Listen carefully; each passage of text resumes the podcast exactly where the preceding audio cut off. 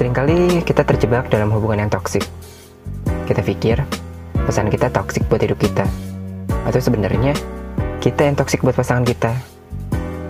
Yang lebih parah lagi, kita sama-sama toksik buat kehidupan kita masing-masing.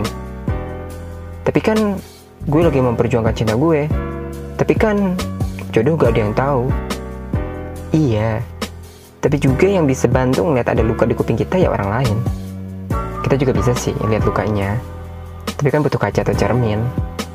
Itu artinya, yang bisa bantu ngasih tahu hubungan yang lagi kita perjuangin ini sehat atau toksik, ya orang lain. So, ketika orang lain komentar soal hubungan yang lagi kita jalanin, jangan julid duluan. Kita butuh asupan kayak gitu.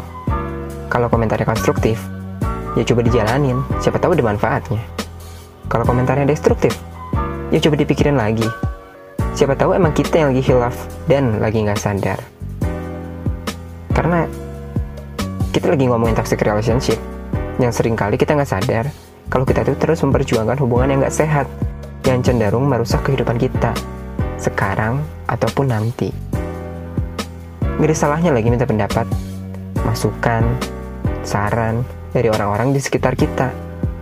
Apalagi yang netral dan lebih berpengalaman. Kalau kita masih bersikukuh bahwa yang tahu baik buruknya hubungan kita ya diri kita sendiri, mending lu coba main ke gym deh.